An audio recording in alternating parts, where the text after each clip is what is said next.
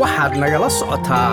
Waa s b s soomaali madaxweynaha dowladda federaalk ee soomaaliya xasan sheekh maxamuud iyo wafdi uu hogaaminayo oo maalmihii ugu dambeeyey ku sugnaa magaalada baydhabo ee xarunta kumeel gaarka u ah maamulka koonfur galbeed ayaa halkaasi uga sii kicitimay magaalada dhuusamareeb ee caasimada galmudug halkaasoo si weyn loogu soo dhoweeyey. Madaxda ugu sarraysa ee galmudug sida madaxweynaha maamulkaasi xubno ka tirsan golaha wasiirada galmudug iyo baarlamaanka maamulkaasi ayaa qayb ka ahaa soo dhoweynta wafdiga madaxweynaha waxaana warbaahinta si wadajir ah ula hadlay madaxweynaha maamulka galmudug axmed cabdikaari qorqoor iyo madaxweynaha soomaaliya waa kan ugu horeyn. Madaxweynaha galmudug oo soo dhoweynta ka hadlay.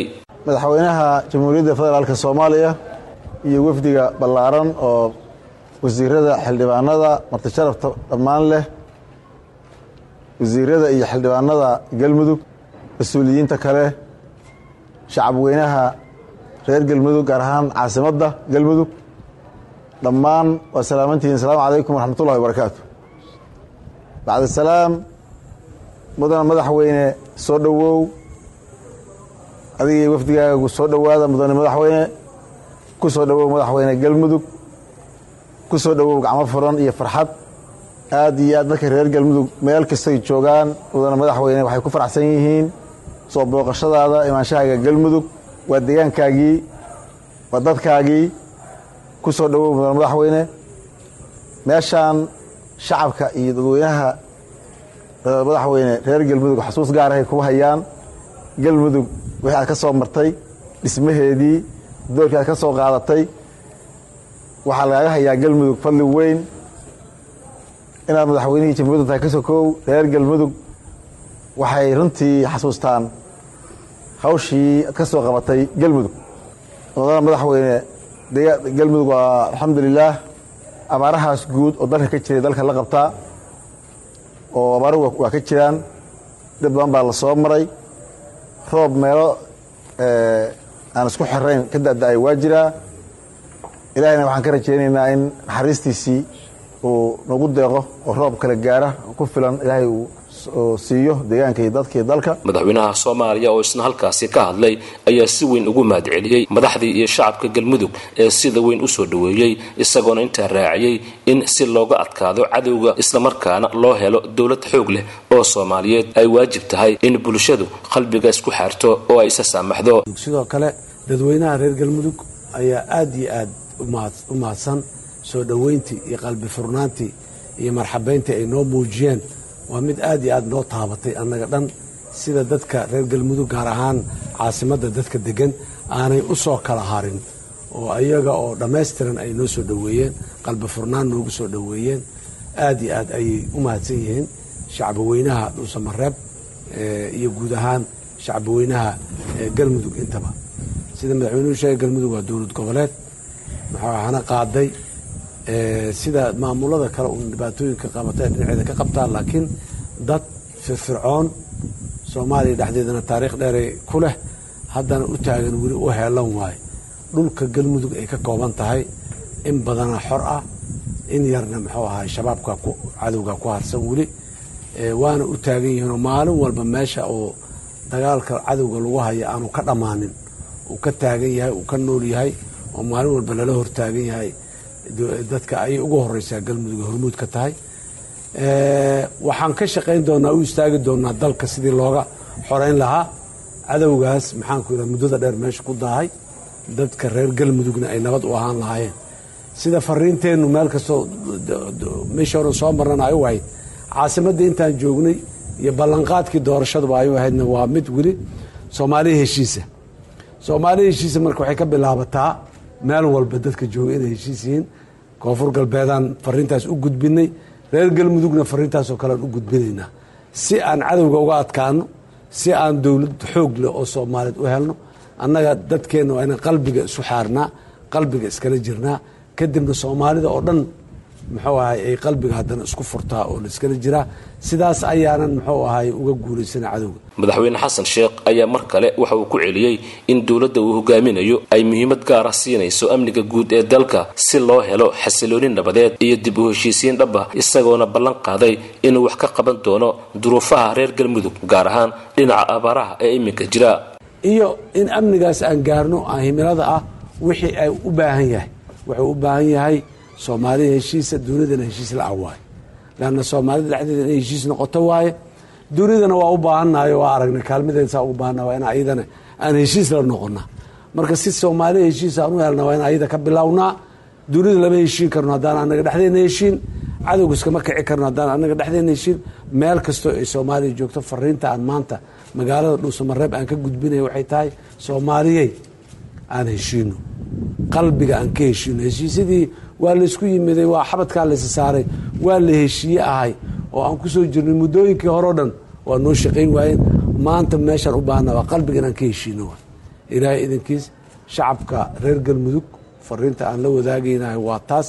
Waanan dhegaysanaynaa duruufahooda gaarka ah. Haddii ay tahay midda abaaraha haddii ay tahay midda amniga haddii ay tahay culaysyada maxaanku maamulka saaran haysta inaan la qaadno la wadaagno tala ka siino wixii aan maxaanku irahday aan u heli karno garab istaagida. Maamulka aan la garab istaagno dadka reer galmudugna guud ahaan aan garab istaagno dhammaantood. Marka fariintaas ayaan u nimiday waan la joognaa dadkeenna waa waraysan doonaa waana la kulmi doonaa dhanka kale golaha wasiirada maamulka somalilan oo kulan ku yeeshay magaalada hargeysa islamarkaana kulanka uu ahaa kii labiyo sagaashanaad ee golaha wasiirada uuna shir guddoominayay madaxweynaha maamulka somalilan muuse biixi cabdi ayaa looga hadlay xaaladaha sicir bararka ee iminka ka taagan guud ahaanba deegaanada somalilan kulanka golaha oo inta badan diiradda lagu saaray sidii wax looga qaban lahaa sicir bararka iminka ka jira guud ahaanba somalilan ayaa waxaa halkaasi warbixin looga dhageystay wasiirka wasaaradda horumarinta maaliyadda ee maamulka somalilan doctor sacad cali shire oo isagu sheegay in sicir bararka somalilan ka taagan uu qayb ka yahay sicir bararka guud ahaanba caalamka iminka ka jira isagoona bidhaamiyey waxyaabaha qutul daruuriga ee iminka sare u kacay. Daraasadii u dambeysay ee la sameeyey bishii abril ay samaysay wasaaradda qorsheynta waxaa ku cad in sicir bararku uu ahaa markaas isagoo sanadla ah marka laysku wada daro ascaartao dhan lix dhibic sagaal boqolkiiba sanadle gadbadii sonkorta ahayd ee tobanka ahayd doolar iminka waxay maraysaa toddobiyo toban. Sidoo kale daqiiqdii ahayd koob iyo tobanka iminka waxay maraysaa toddobiyo toban. Shanta litir ee saliidda sagaalka ahaa hadda wuxuu marayaa afar iyo toban.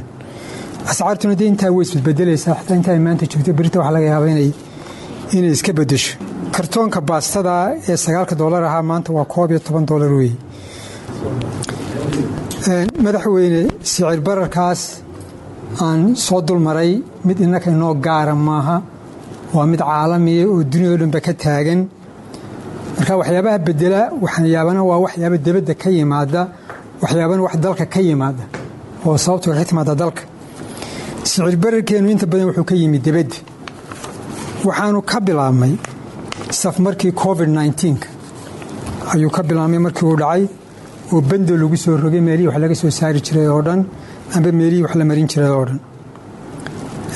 Isla markaa markii covidku uu soo dhodhowaaday uu gabaabsi u noqday ee warshadihii dub loo furay ee ganacsigii dub loo furay waxaa kor u qaadmay baahida loo qaba shidaalka.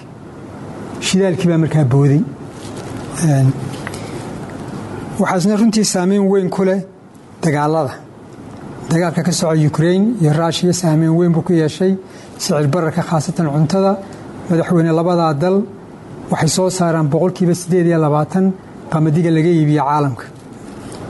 Markaa dee labadiiba saameyn buu ku yeeshay cuntadii guudna ku yeeshay saameyn buu ku yeeshay. Ugu dambayntii wasiirka wasaaradda maaliyadda ee somalilan waxa uu soo jeediyey in la sii wado canshuur dhaafka ay xukuumadda u samaysay cunooyinka dibadda uga yimaada somalilan iyo in wacyigelin loo sameeyo shacabka iyo ganacsatada sidii loo kordhin lahaa wax soo saarka dhinaca beeraha oo sanadka soo socda loo beeri lahaa ilaa boqol kun oo hegtar maadaama wax soo saarka beeruhu yahay midka keliya ee lagu heli karo cunno si looga maarmo cunooyinka dibadda ee sare u kacay waxyaaba madaxweyne u baahanay inaynu qabanno oo sii wadno horta waxaa weeye inaynu go'aansanno cashuur dhimista. Aynu ku samaynay afarta shay ee muhiimkaa inaynu ku sii wadno sanadka inta ku hadhayno iyadoo laftigeeda cashuur dhaafka wixii loogu talagalay beeraha halka aynu ka sii wadno aynu waxba ka bedelin. Inaynu madaxweyne wacyigelin badan samayno oo ku wacyigelinno ganacsatadeenna inay ka qayb qaataan beeraha madaxweyne waddamadan beeraha ka soo saaraa dadka ugu hodansan in badani waxay ka dhaqatay beeraha laakiin dadkeennu ma aaminsana. Marka inaynu ku baraarujinno waxaan u madaxweyneyada laftigeeda inaynu yool aynu dhiganno sanadkan soo socda matalan aynu nahno boqol kun oo higtaar aynu beeranno sanadkan. Oo kambeyn la qaado bari ilaa galbeed sidii dadkeennu mataqaana ay u beeran lahaayeen sanadkan boqolkaa kun oo waxaanu u baahanay madaxweyne inaynu maal gashanno cilmi baadhista iyo fidinta beeraha. Arrinkaas runtii waa arrin aad iyo aad u muhiimo weeye. Waxaanu kaloo u baahanay inaynu ganacsatadeenna kala fadhiisanno sidii mataqaanaa aanay sicirka aada u kordhinin oo aan lagu dhibaataynin. Maxaa dadka waynu garanayna maadaama dee waxay dabadda ka soo iibsanaya laftoodu ku qaaligaroobay. Way kicinayaan dabcan ascaarta laakiin inaanay dhaafin intii ku korodhay inaanay dhaafin inaanu kala shaqayno like aas la wadaag wax ka dheh lana soco barta facebooka ee sb s